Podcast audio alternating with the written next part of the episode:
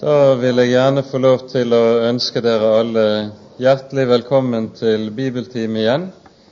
Nå er det blitt noen uker siden forrige bibeltime, men eh, vi fortsetter der vi slapp. Det betyr at vi i dag kommer til å ta for oss eh, to av Israels konger, Avia og Asa som vi hører om i første kongeboks 14. Eh, og 15. kapittel, og i annen krønikabok fra kapittel 14 da og utover. Skal vi da be sammen før vi begynner? Kjære Herre, du trofaste og hellige Far. Vi takker og lover deg at vi skal få lov å komme sammen på ny i ditt hellige navn. Takk at vi skal få komme sammen fordi du selv, Herre, ønsker å være sammen med oss og ønsker å få oss i tale. Nå ber vi deg, gode Far, at du vil komme med din ånd og åpenbare ordet ditt for oss, slik at vi lærer å ta det til hjertet, lærer å bøye oss for hva du har å si, innrette livet vårt etter det, og Herre, først og fremst at vi må lære å tro deg. Det ber vi i Jesu navn. Amen.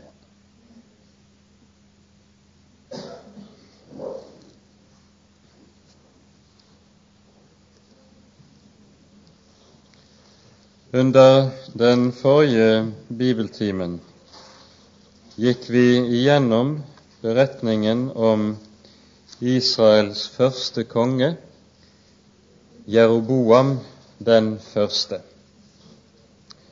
og vi så på hvorledes hans kongetid etter at riket var delt da Salomo døde. Vi så hvorledes hans kongetid ble preget av hans særlige frafall fra troen ved at han reiste to helligdommer en i Betel og en i Dan ved rikets sydlige og nordlige grense for å skape en alternativ gudsdyrkelse og gudstjeneste til den som Herren hadde innstiftet i Moselov. Og denne Jeroboams synd, den kalles rett og slett for det gjennom kongebøkene videre. Den kommer til å bli bestemmende og retningsgivende for hele Nordrikets videre historie. Alle de påfølgende konger, alle de påfølgende dynastier, følger Jeroboams vei, og dette ble altså det som var Nordrikets store ulykke. I syd kom Salomos sønn Rehabeam til å sitte på tronen. Han hersket i 17 år, og også hans kongetid var preget av forfall i det han tillot avgudsdyrkelse i stor utstrekning omkring i landet. Om man selv aktivt deltok i avgudsdyrkelsen, kan man ikke lese direkte ut av tekstene. Men han tillot det i alle fall, og får dermed også en streng bedømmelse i vår bibel. Han gjorde det som var ondt i Herrens øyne, hører vi. Jeroboam regjerte i 22 år, Rehabeam i 17. Rehabeam blir etterfulgt av sin sønn Avia, eller Aviam, som han også kalles i krønikebøkene. Og han regjerer bare i tre år, før hans sønn Asa så bestiger tronen. Og Asa blir en av Judas, Sydrikets beste konger. Med at Rehabeam og hans sønn Abiam kom til å stå for et ganske så grundig frafall i folkelivet, begynner Asa på sin side en reformasjon som må sies å være gjennomgripende. Og i og med at Asa kom til å sitte på tronen i hele 41 år, så kom hans kongetid til å bli en av de beste gjennom hele Sydrikets historie. Asa kommer på sin side til å se, eller til å oppleve, hele åtte forskjellige konger som sitter på tronen i Nordriket, i Samaria. For Samaria blir i hans tid også konge i Nordriket. Jeroboam etterfølges av sin sønn Nadab, og så kommer det et kupp ledet av en av Jeroboams hærførere, Baesa.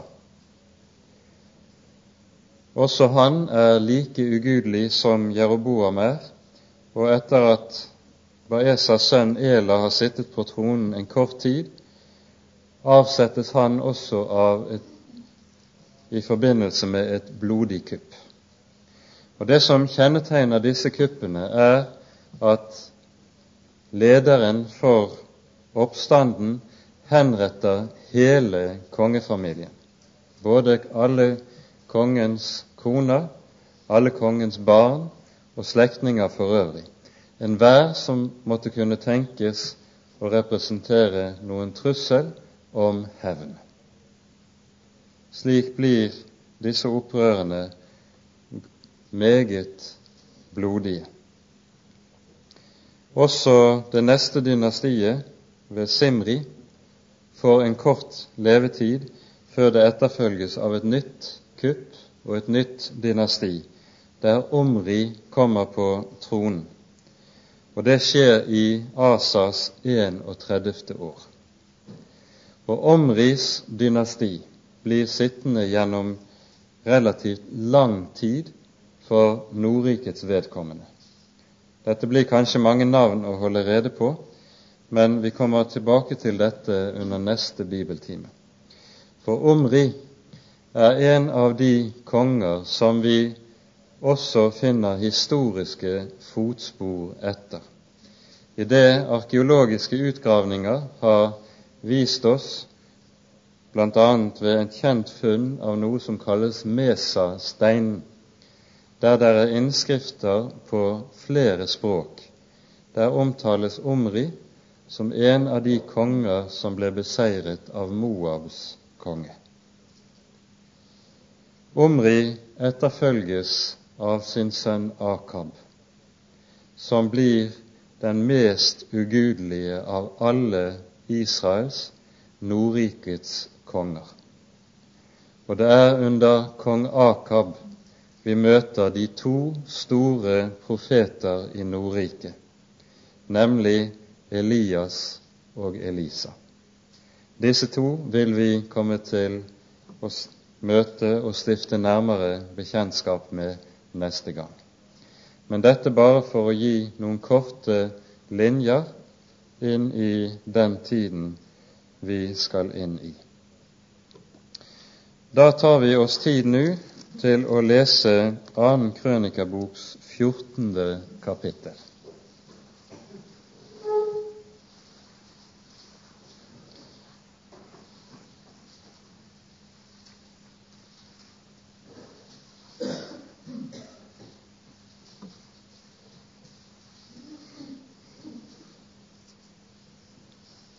Grunnen til at vi i dag leser fra annen krønikabok i stedet for fra første kongebok, det er at beretningen i annen krønikebok er langt mer utfyllende når det gjelder Asas kongetid, enn kongebøkene er det.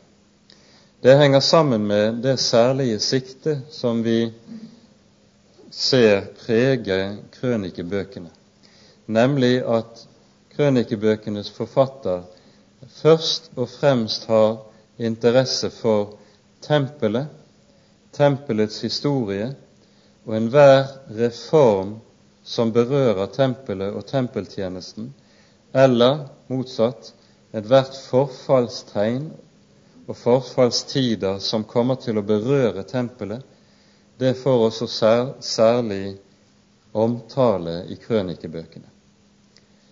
Vi kan si at krønikebøkene dermed på spesiell måte gir oss gudstjenesten og tempelets historie i Israel, mens kongebøkene på sin side i videre utstrekning gir oss den profetiske og kongelige historie for Israel. Dette gjør at i krønikebøkene hører vi svært lite om Nordriket. Det er i kongebøkene vi leser om Nordriket og dets historie først og fremst. Vi leser da fra 2. krønikeboks 14. kapittel. Abia la seg til hvile hos sine fedre og ble begravet i Davids stad, og hans sønn Asa ble konge i hans sted. I hans dager hadde landet ro i ti år. Asa gjorde hva godt og rett var i Herrens, hans Guds øyne. Han fikk bort de fremmede guders altere og offerhaugene og sønderbrøt støttene og hugg astartebildene i stykker. Og han bør Juda å søke Herren, deres fedres Gud, og holde loven og budene. I alle Judas byer fikk han bort offerhaugene og solstøttene, og riket hadde ro under ham. Han bygget festninger i Juda, for landet hadde ro, og ingen førte krig mot ham i de år, fordi Herren ga ham ro. Han sa til Juda, La oss bygge disse byer og reise murer og tårn, porter og bommer omkring dem. Ennu råder vi fritt over landet fordi vi har søkt Herren, vår Gud. Vi har søkt Ham, og Han har gitt oss ro på alle kanter. Så tok de til å bygge, og det lyktes for dem. Asas hær var 300 000 mann av Juda som var væpnet med spyd og store skjold, og 280 000 av Benjamin som bar små skjold og skjøt med bue. De var alle djerve stridsmenn. Men etioperen Tsera dro ut imot dem med en hær på tusen ganger tusen mann og 300 stridsvogner, og han kom til Maresa. Og Asa dro ut imot ham, og de stilte seg i fylking i Sefatardalen ved Maresa.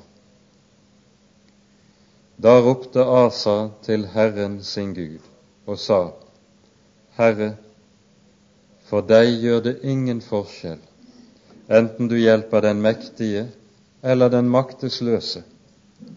Hjelp oss, Herre, vår Gud. Til deg setter vi vår lit og i ditt navn er vi gått ut mot denne store mengde.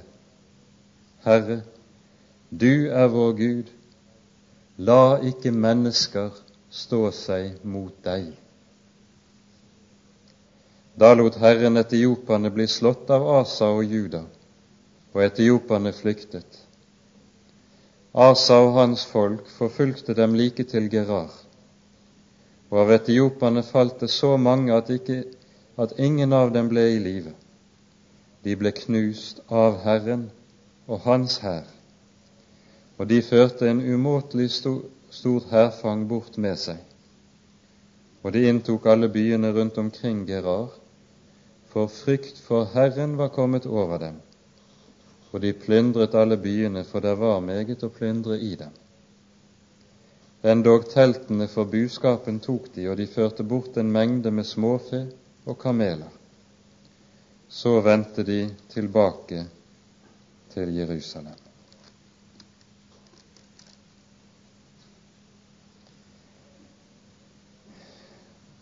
Asa blir altså konge etter at hans far Abia er død. Han satt på tronen bare i tre år. Dette innebærer at Asa neppe kan ha vært mer enn en ti-elleve år gammel da han ble konge. Noe som innebærer at han høyst sannsynlig har stått under formyndere eller oppdragere som har tatt seg av ham de første år i hans kongetid. Det er rimelig da å anta at det kom til å prege Asa, som vi hører om ved en senere anledning i folkets historie, da en svært ung gutt kom på tronen, nemlig at det var ypperstepresten som fikk ansvar for å oppdra den unge konge. Det innebærer at hans ugudelige far, Abia, ikke kom til å få det avgjørende ord inn i Asas liv. Men yppersteprestens gudsfrykt kom til å sette varige fotspor i sinnet hos ham, og som vi forstår, kom dette også til å prege hans kongetid i sterk grad. Asa begynner altså sin kongetid med en reformasjon. Vi hørte det allerede i det tredje vers i dette kapittelet. Han fikk de fremmede guders altere og offerhaugene sønderbrøt og sønderbrøt støttene og hugg astartebildene i stykker. Her sammenfattes det i en kort sum det som var innholdet i den reformasjon han begynte. Det var slik at den avgudsdyrkelse som trengte inn i Juda og Israel for den saks skyld i folkets forfallstider, det var den avgudsdyrkelse som preget kananittene. For de dyrket nettopp sine guder på haugene eller på høydene rundt i landet. Derfor er disse navnene med haugene særlig viktige i denne sammenheng. Der ble det reist altere, der ble det reist gudebilder, særlig av guden Baal og Astarte. Og Det som kjennetegnet disse gudene, som var fruktbarhetsguder, var at dyrkelsen av dem også var ledsaget av mye usedelighet. Dette gjorde at dyrkelsen av Bal og Astarte var besnærende nettopp i kraft av sin sanselighet. Og Derfor fikk det også stadig innslag i folket og hvis denne avgudsdyrkelse ikke ble bevisst motarbeidet av kongene, så falt folket så å si uvegerlig ned i den igjen. Det vi ser i Israels kongetid, er nemlig at frafallet er regelen og ikke unntaket i Guds folks liv. Dette ser ut til å gjelde i hele den gamle pakts tid, og dessverre også i den nye pakts tid. Så blir det også slik at vi ser vekkelsestider og reformasjonstider med jevne mellomrom i denne historien. I kongetiden i Det gamle testamentet kan vi vel si at vi finner slike vekkelses- og reformasjonstider med en 40-70 års mellomrom, mens periodene imellom ofte blir preget av tungt frafall. Slik var det altså også i denne periode. Asa kommer på tronen og motarbeider dette ganske målbevisst. Og vi hører i de neste versene hvorledes han styrker landet, fra ikke minst i vers 6 og i vers 7. Og Det som da kjennetegner denne styrkelse av landet, er at du finner en skal vi si, oppbygning av landets forsvar i dobbelt forstand. For det første den ytre, rent militære, at Asa er dyktig når det gjelder å anlegge landets forsvar slik. Men også for det andre, og det er det viktigste, på det indre plan. For dette er noe av en lov som vi ser gjenta seg gjennom hele Israels historie. Det hjelper folket aldri om de har stor militær styrke, men samtidig har vendt Herren sin Gud ryggen. Om de da er aldri så sterke militært sett, så vil de da likevel lide nederlag i møte med de fiender de kommer til å stå overfor. Derfor er det slik at det som er det egentlige forsvarsarbeid, er den åndelige reformasjon som Asa begynner.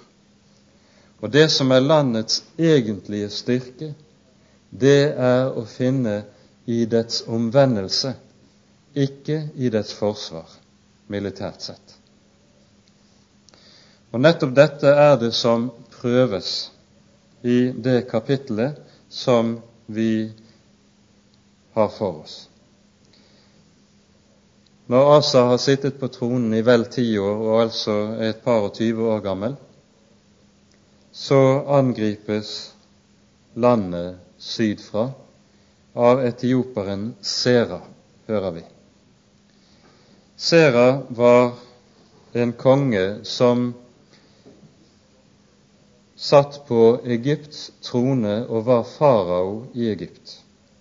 Egypt har på denne tiden vært inne i en lengre forfallstid, og det har ført til at de tradisjonelle dynastiene i Egypt var erstattet av et etiopisk dynasti.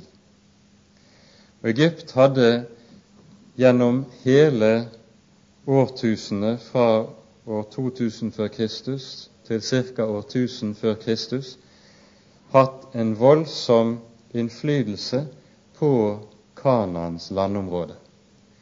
De så det som sin interessesfære, så å si.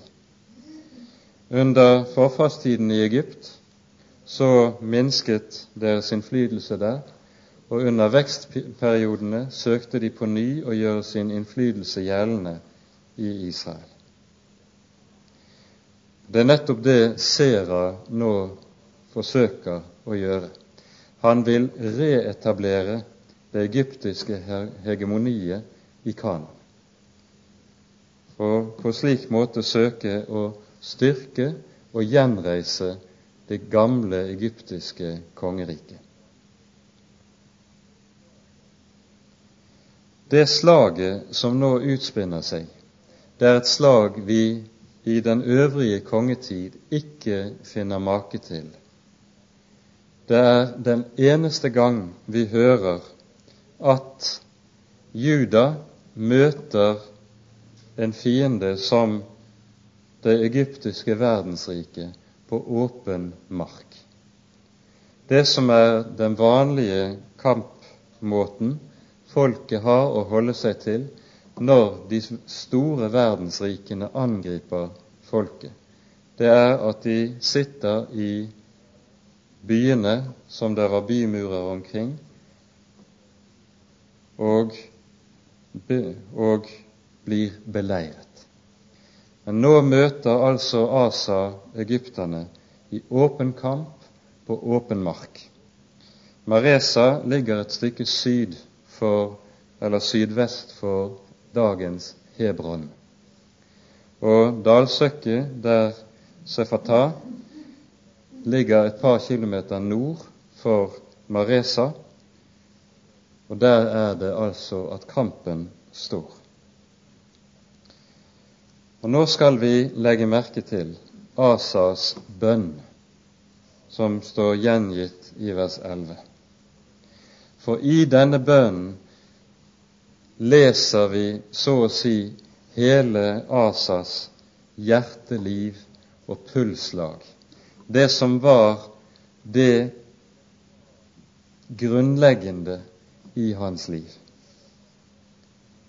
Da ropte Asa til Herren sin Gud og sa, Herre, for deg gjør det ingen forskjell, enten du hjelper den mektige eller maktesløse. Hjelp oss, Herre vår Gud. Til deg setter vi vår lit, og i ditt navn er vi gått ut mot denne store mengde.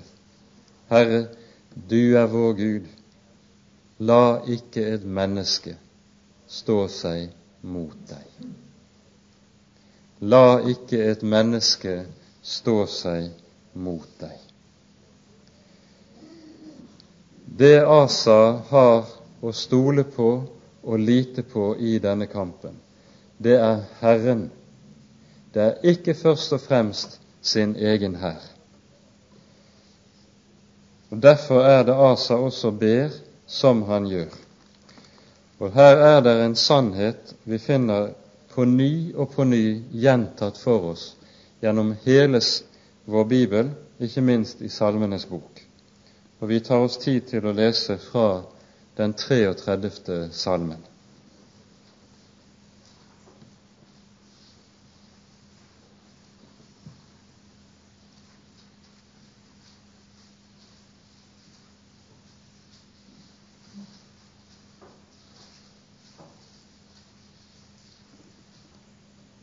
Vi leser fra vers, 17, nei, fra vers 16. En konge frelses ikke ved sin store makt. En helt reddes ikke ved sin store kraft. Hesten er ikke å stole på til frelse, og med sin store styrke redder den ikke. Se, Herrens øyne ser til den som frykter ham, og som bier på hans miskunnhet for å utfri deres sjel fra døden og holde dem i live i hungersnød. Og her ligger der en veldig sannhet som alltid må stå klart for Guds folk. Det som er Guds folks styrke, det er det levende forhold til og samliv med Herren sin Gud. Det er ikke ressursene vi ellers måtte ha rent synlig, det være seg økonomisk eller menneskelig eller hva det måtte være. Det som er Guds folks styrke, er dets gudsforhold. Herrens øyne ser til dem som frykter ham og som bier på hans miskunnhet. Da er det nemlig slik at det er Herren selv som er deres styrke, ikke hva de enn måtte ha å ty til for øvrig. For deg gjør det ingen forskjell om du hjelper den hjelpeløse eller den mektige, sier Akar. Asa. Og her, i denne strid, får også Asa erfare at Herren hans Gud er en Gud som holder ord. For å si ord som dette, det er noe som kan være lett nok, det, når man har gode dager og det er ingen motstander her. Men når du står svak og hjelpeløs overfor en overmektig fiende, og ikke har det du kan se og stole på, ta og føle på, som du kan møte motstanderen med, da er det vanskelig å tro. Da er troen ikke lenger noen lettvint og enkel sak som man kan snakke om på lettvint vis. Men det er da det også viser seg hva som bor i troen, om det er Herren man frykter eller mennesker, om det er ham øyet er rettet til, eller alt det vi ellers ser omkring oss her i verden. Asa får lov til rikelig å erfare at Herren hjelper, Herren redder, Herren holder ord. Og så lyder det i den 28. salme slik, en salme som er av David, men som vel må kunne sies å gjelde en Asa like fullt. Vi leser i vers 6, 7 og 8 i Salme 28. Lovet være Herren, fordi Han har hørt mine inderlige bønners røst. Herren er min styrke og mitt skjold. Herren er min styrke og mitt skjold. Til ham har mitt hjerte satt sin lit, og jeg blir hjulpet. Derfor fryder mitt hjerte seg, og jeg vil prise ham med min sang. Herren er deres styrke, og han er et frelsens vern for sin salvede. Slik får altså Asa hjelp og seirer i striden. Og så skjønner vi at selv i møte med det som vi ser her, med timelige eller ytre fiender, så er det som er det avgjørende i det møtet, ikke hvorledes man ytre sett kan møte dem, men den åndskamp troen har å utstå i det den må klynge seg til Guds løfte. Det er der den egentlige kampen står.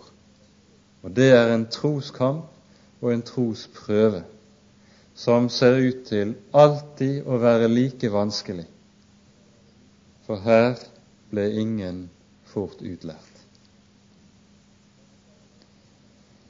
Den seier Asa nå vinner, kommer til for ham å innebære en veldig styrkelse, stadfestelse for ham og fornyelse i troen, slik at det også blir en veldig tilskyndelse for ham til å gå videre med det reformasjonsverk han hadde påbegynt i folket.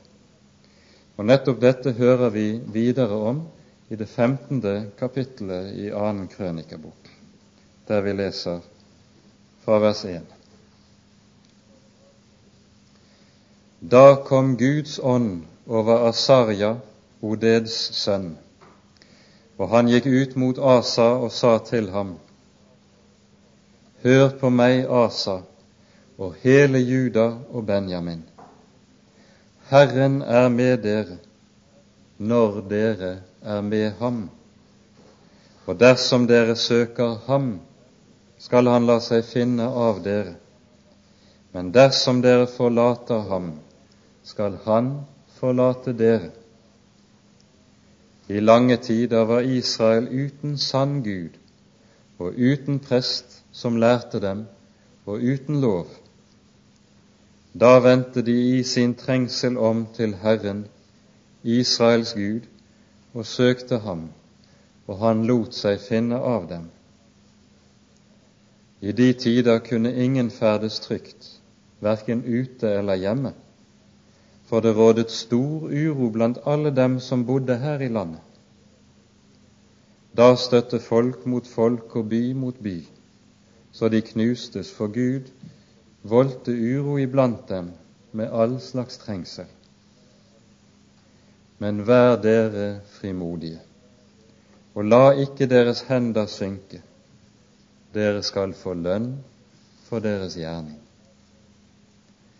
Her ser vi at etter seieren som Asa har vunnet, både i trosprøven og over egypterne, så møtes han av Guds ord via profeten med en stadfestelse som virker ny frimodighet for ham i det verk han hadde påbegynt. Og Her ser vi også noe som er veldig viktig for oss å merke oss når det gjelder alt slikt arbeid. Det er nemlig slik, det vet vi av erfaring, at når vi har holdt på med noe slags arbeid gjennom lengre tid i Guds rike, så kan det lett bli slik at man mattes ettersom tiden går. Man trettes ut. Sånn er vi mennesker. Og så fører trettheten til enten at man gir opp eller holder opp før eller siden, eller at man finner på noe annet.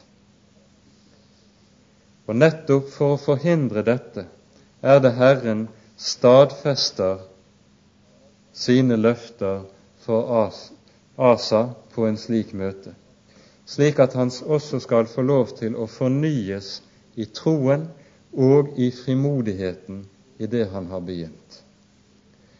Og Det lærer oss også at det er ikke nok bare det å begynne med Guds ånd i en gjerning og at det dermed likesom er gitt at alt skal fortsette vel og bra fordi man kanskje har begynt rett og godt.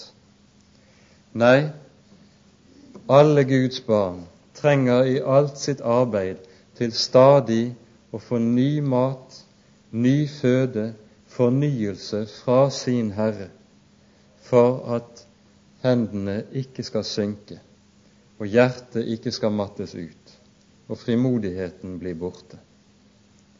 Dette trengte Asa, vi trenger det ikke mindre. Så leser vi videre fra det åttende verset her i kapittel 15.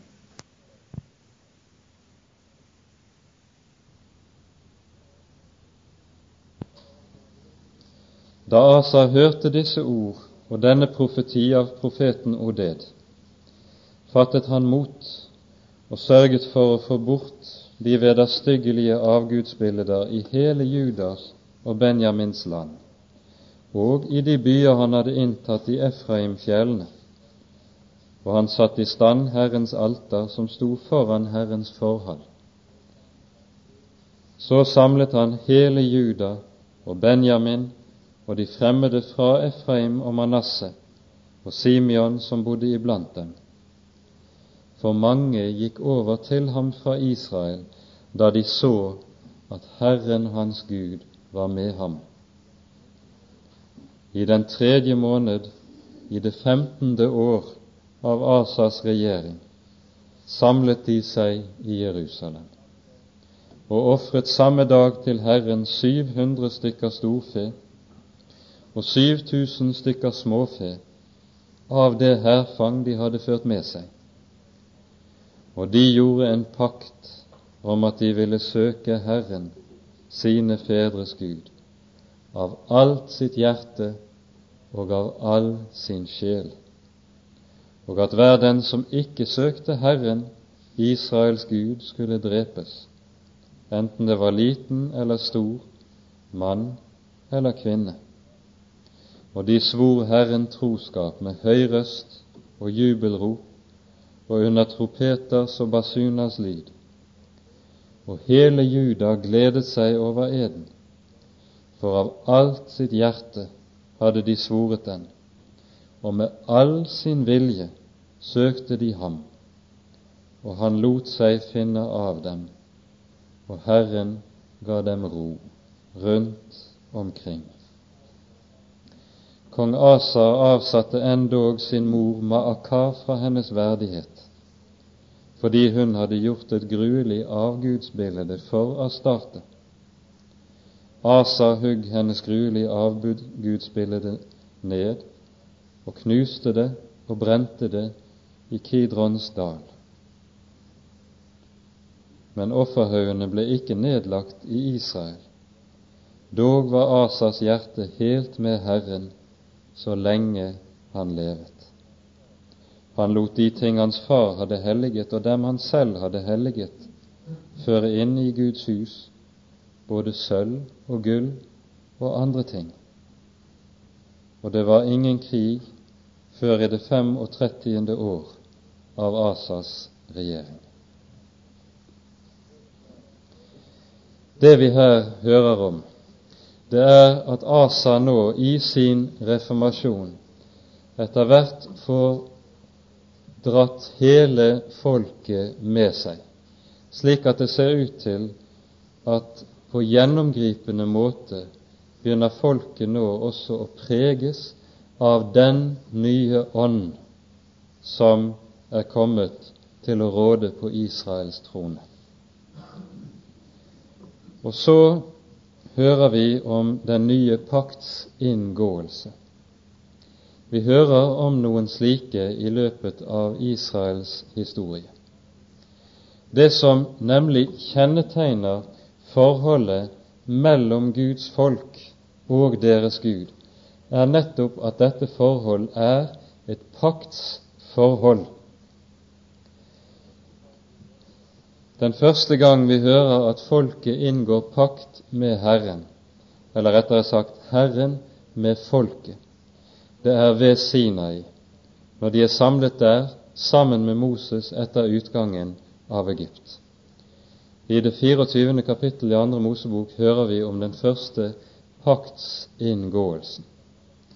Det som kjennetegner slik, et slikt paktsforhold, det er at det rettslig binder to parter sammen. Rettslig betyr at det nærmest er juridisk forpliktende. Slik er det når det er pakt mellom to mennesker, slik vi kan også lese om det i Det gamle testamentet. Og Nettopp dette forhold som to mennesker kan inngå seg imellom, det et slikt forhold er det Herren vil tre inn i med sitt folk. Han binder seg til folket i pakten, og så reguleres forholdet mellom Herren og folket via paktsforpliktelsene. Vi hører så at gjentatte ganger faller folket ut av pakten ved at de faller fra Herren. Og Derfor er vi også med ujevne mellomrom når det blir fornyelsestider i folket, at folket også samler seg og som folk fornyer pakten, og dermed sier på det første at vi vil være Guds folk, samtidig som de også bekjenner i og med en slik fornyelse at de har vært frafalne, de har falt ut av pakten. Dette ligger det i en slik paktsinngåelse. Og vi hører at denne er ikke av det rent overfladiske slag. I vers 15 hørte vi hele Juda gledet seg over eden, for av alt sitt hjerte hadde de svoret den.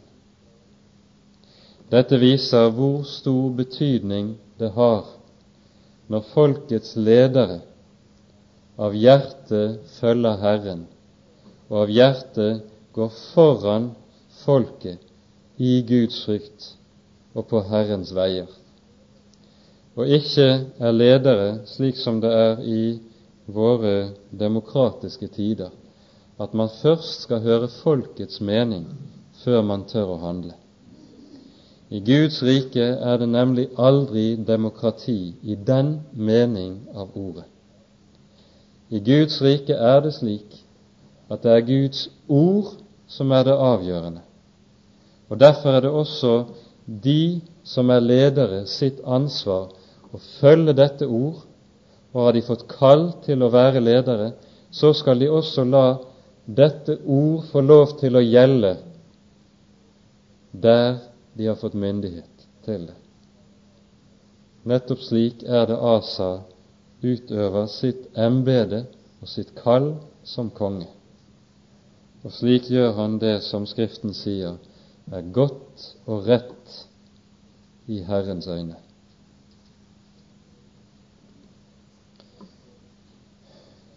Dette Asas forsett, det ser vi også gå like inn i kjernen i familien. Vi hører at han avsetter endog sin mor Maaka, står det i vers 16.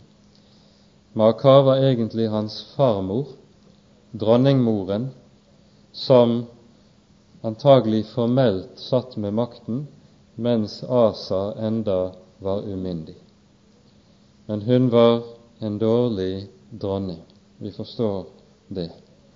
Og Asa frykter altså ikke for endog å gå til et så drastisk skritt som dette er, å avsette dronningmoren fra hennes verdighet fordi hun hadde vist seg så uskikket i sin hjerne.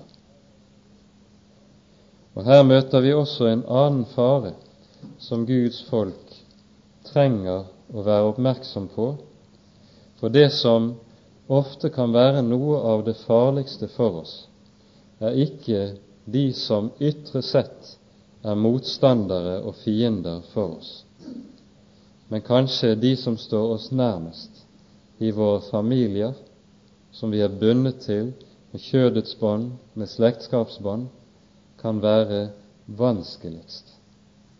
Jesus sier at den som elsker far eller mor, søster eller bror, ektefelle eller barn, mer enn meg, er meg ikke verd. Og Altfor ofte ser vi det skje, at et menneske kan stå for noe som klart er i samsvar med Guds ord. Men så er det en ektefelle, eller så er det barn som kommer til sjels år og alder og vil noe annet. Og så forandrer man mening av hensyn til de som står en nær. Dette er en helt reell fare for oss, og vi kan vel kjenne det på kroppen, noen og enhver, at det er en fristelse å ta hensyn til de som står oss nær, fremfor det å ta hensyn til Guds ord. Asa avsatte endog sin mor Maaka. Vi har også noe å lære av Asa i dette stykket. Imidlertid går det slik at Asas regjering ikke slutter like lykkelig som den begynte. Vi leser i det 16. kapittel. I det 36.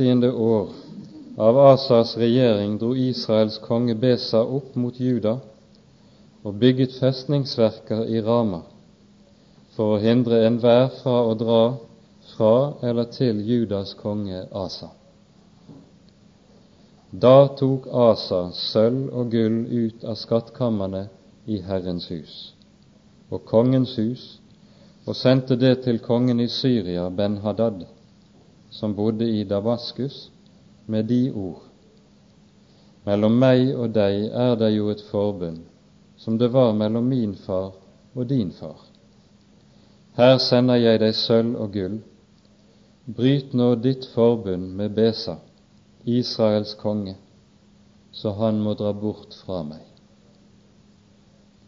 Ben-Hadad lød kong Asa og sendte sine hærførere mot Israels byer, og de inntok Ion og Dan og Abel Maim og alle forrådshusene i Naftalis byer. Da Besa hørte det, holdt han opp med å bygge festningsverker i Rama og oppga dette arbeidet. Men kong Asa tok hele Juda med seg, og de førte bort stenene og tømmeret som Besa hadde brukt til festningsarbeidet i Rama, og bygget med det Geba og Mispa om til festninger. På den tid kom seeren Hanani til Judas konge Asa og sa til ham:" Fordi du satte din lit til kongen i Syria og ikke til Herren din Gud, derfor er syrakongens hær sluppet ut av dine hender. Var ikke etioperne og libyerne en stor hær med stridsvogner og hestfolk i stor mengde? Men fordi du, du den gang satte din lit til Herren, ga han dem i din hånd. For Herrens øyne farer over all jorden, for at han med sin kraft kan støtte dem hvis hjertet er helt med Herren. Du har båret deg uforstandig ad i dette, for fra nu av skal du alltid ha krig. Men Asa harmedes på seeren og satte ham i fangehuset. Så vred var han på ham for dette. På samme tid for han også hårdt frem mot andre av folket.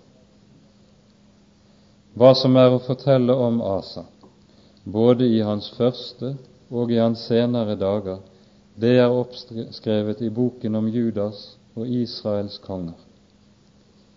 I sin regjerings 39. år ble Asa syk i føttene, og hans sykdom ble verre og verre. Men endog i sin sykdom søkte han ikke Herren, men bare legene. Og Asa la seg til hvile hos sine fedre og døde i sin regjerings 41. år. De begravet ham i det gravsted som han hadde latt hugge ut for seg i Davids stad, og la ham på et leie som var fylt med krydderier av forskjellig slag, tillaget slik som det gjøres av dem som lager salve. Og de brente et veldig bål til ære for ham.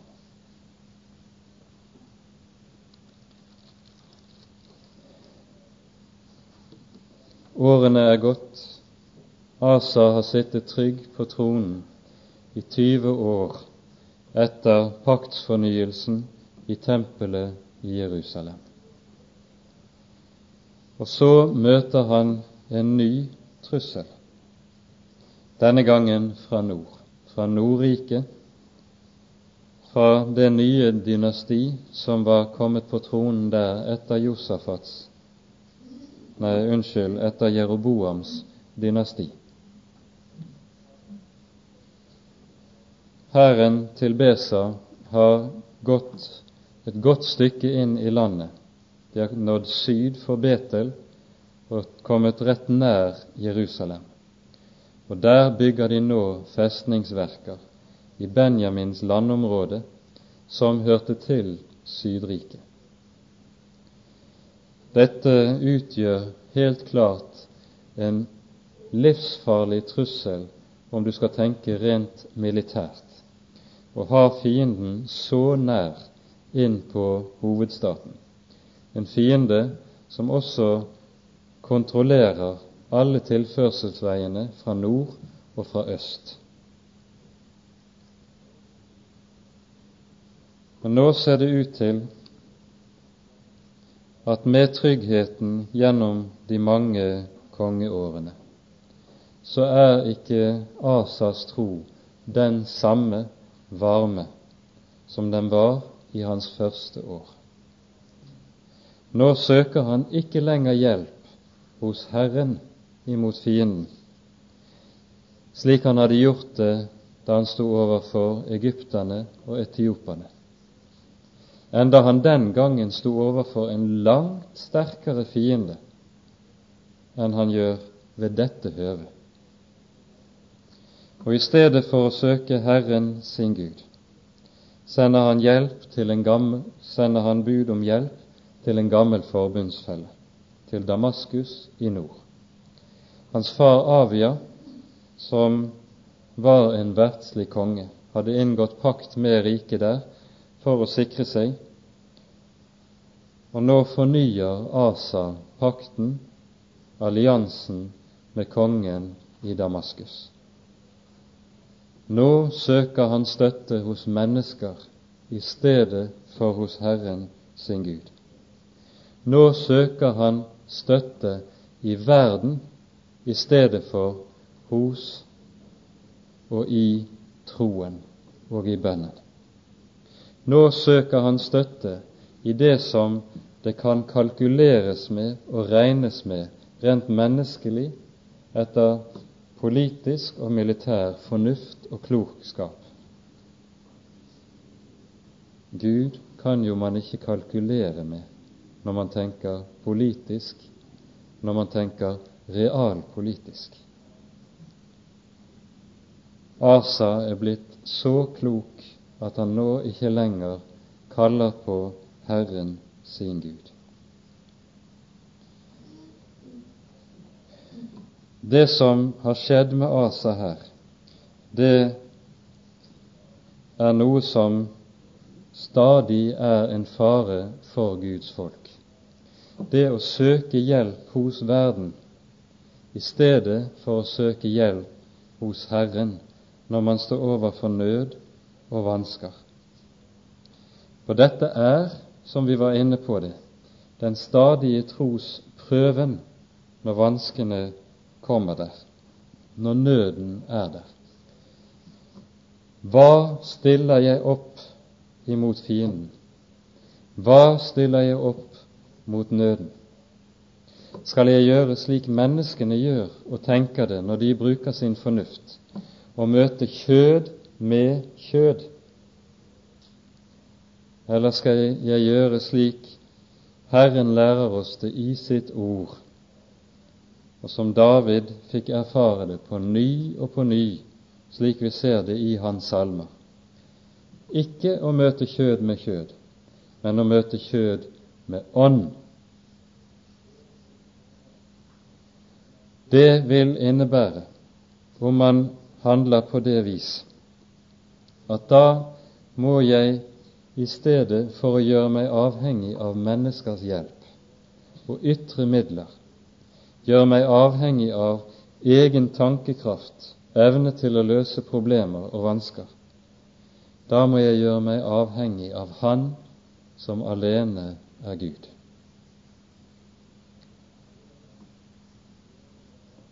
Det er nemlig å gjøre seg avhengig av verden i Guds rikes arbeid. Det vil alltid føre til at verden og verdsligheten kommer til å prege det arbeid som gjøres i Guds navn. Asa har i og for seg ikke forlatt troen på sin Gud, men han har mistet avhengigheten av ham. Og det er fallet hans i denne sammenheng. Så kan han ha troen i munnen, troen i hodet, og si som så vi kjemper for Herren, vi kjemper i Herren vår Guds navn. Og så tenke som så at det han gjør, de tiltak han ordner seg med for å løse problemene, de gjør han jo for Guds rikes skyld, for å seire for Guds rike. Men det er å gjøre Guds rike en bjørnetjeneste og gjøre det avhengig av verden og av kjød. Derfor lyder også profeten Hananis ord fra nå av skal du alltid ha krig. Det fører aldri velsignelse med seg å stille seg i avhengighetsforhold til mennesker i stedet for til Herren slik som Asa gjorde her. Dette er noe som det på ny og på ny advares mot i Den hellige skrift. Og La oss bare her ta frem to steder. Først profeten Jesajas 31. kapittel.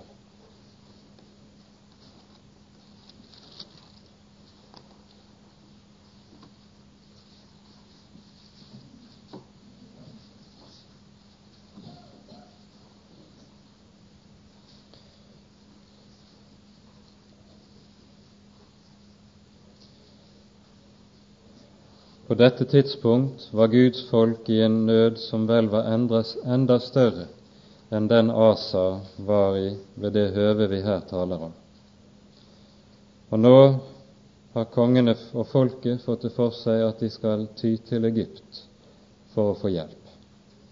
Så leser vi ved dem som farer ned til Egypten etter hjelp og setter sin lit til hester og stoler på vogner fordi de er mange, og på hestfolk fordi de er så tallrike, men ikke vender sine øyne til Israels hellige og ikke søker Herren. Men også han er vis. Han lar ulykke komme, og sine ord tar han ikke tilbake.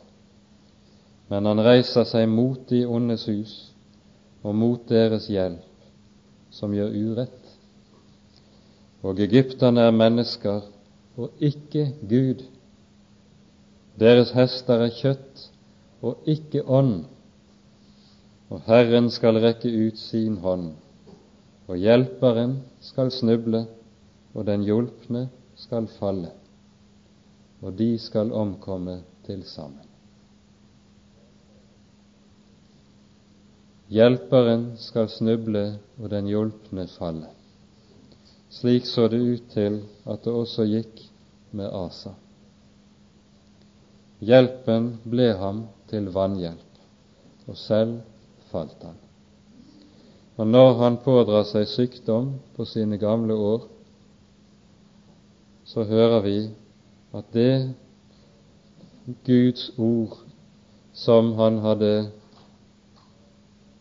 møtt av gjennom Hanani, det fikk ikke virke omvendelse hos ham. Han søkte da bare til legene, ikke til Herren, hører vi. Fortsatt er mennesker det eneste han tyr til for å få hjelp. Det er ikke galt å søke lege, men å søke bare lege og ikke Herren, det var det som var galt hos Asa. Dernest leser vi fra Jeremias 17. kapittel noen vers som kan stå som en oppsummering av det vi her har for oss, og som det her handler om.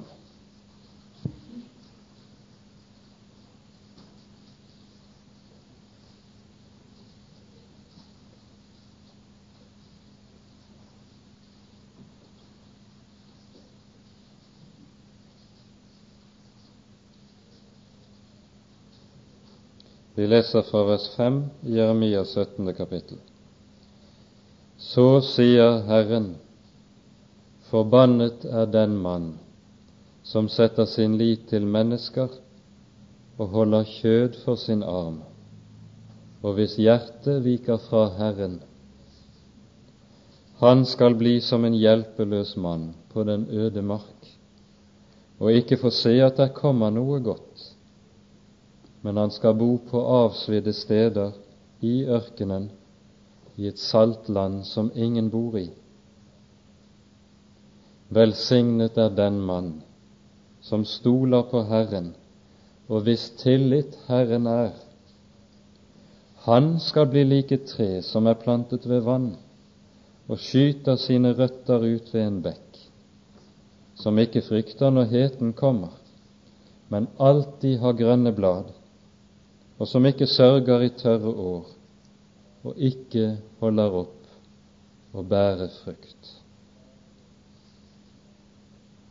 Her ser vi de to grunnholdninger det går an å stå i i forhold til Herren og til troen. Spørsmålet er hvem er jeg avhengig av? Hvem stoler jeg på? Liter jeg på Han som er Gud, som ikke er et menneske, eller liter jeg på kjød, holder jeg kjød for min arm? Et bibelsk uttrykk som beskriver at man stoler på egen kraft, egen styrke, hva man selv evner å utrette. Velsignet er den mann som stoler på Herren, og hvis tillit Herren er, som ikke sørger i tørre år, står det. Om det enn er tørt og vannfattig, den mann bærer likevel frykt, under motstand, tørke, trengsel og nød. Det er Asas første år vitnesbyrd om, mens hans siste år er vitnesbyrd om at han kom til og han som hadde begynt i ånd, kom til å fullende i kjød. En ulykkelig hendelse.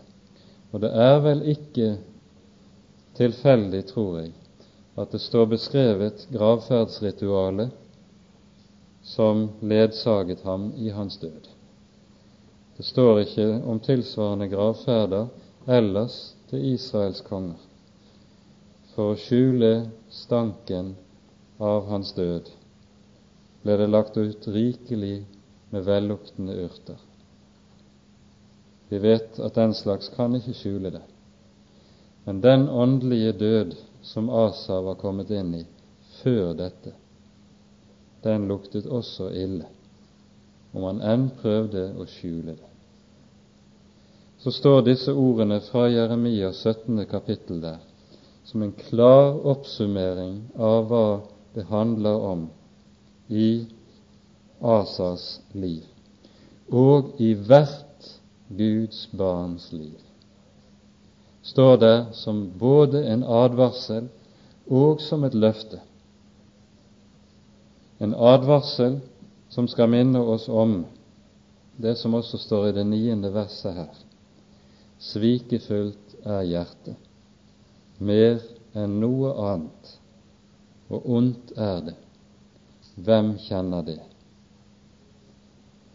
Vite at med det svikefulle hjertet som vi har i vårt bryst, alle sammen, jeg er ikke til å stole på. Med det svikefulle hjertet står jeg for Guds ansikt. Og nettopp fordi hjertet er slik, er det også må sette min lit til en annen enn meg selv. Nettopp fordi hjertet er som det er, er det jeg med det i minnet må be sånn som det står lenger ut i det samme kapittel, i det fjortende vers.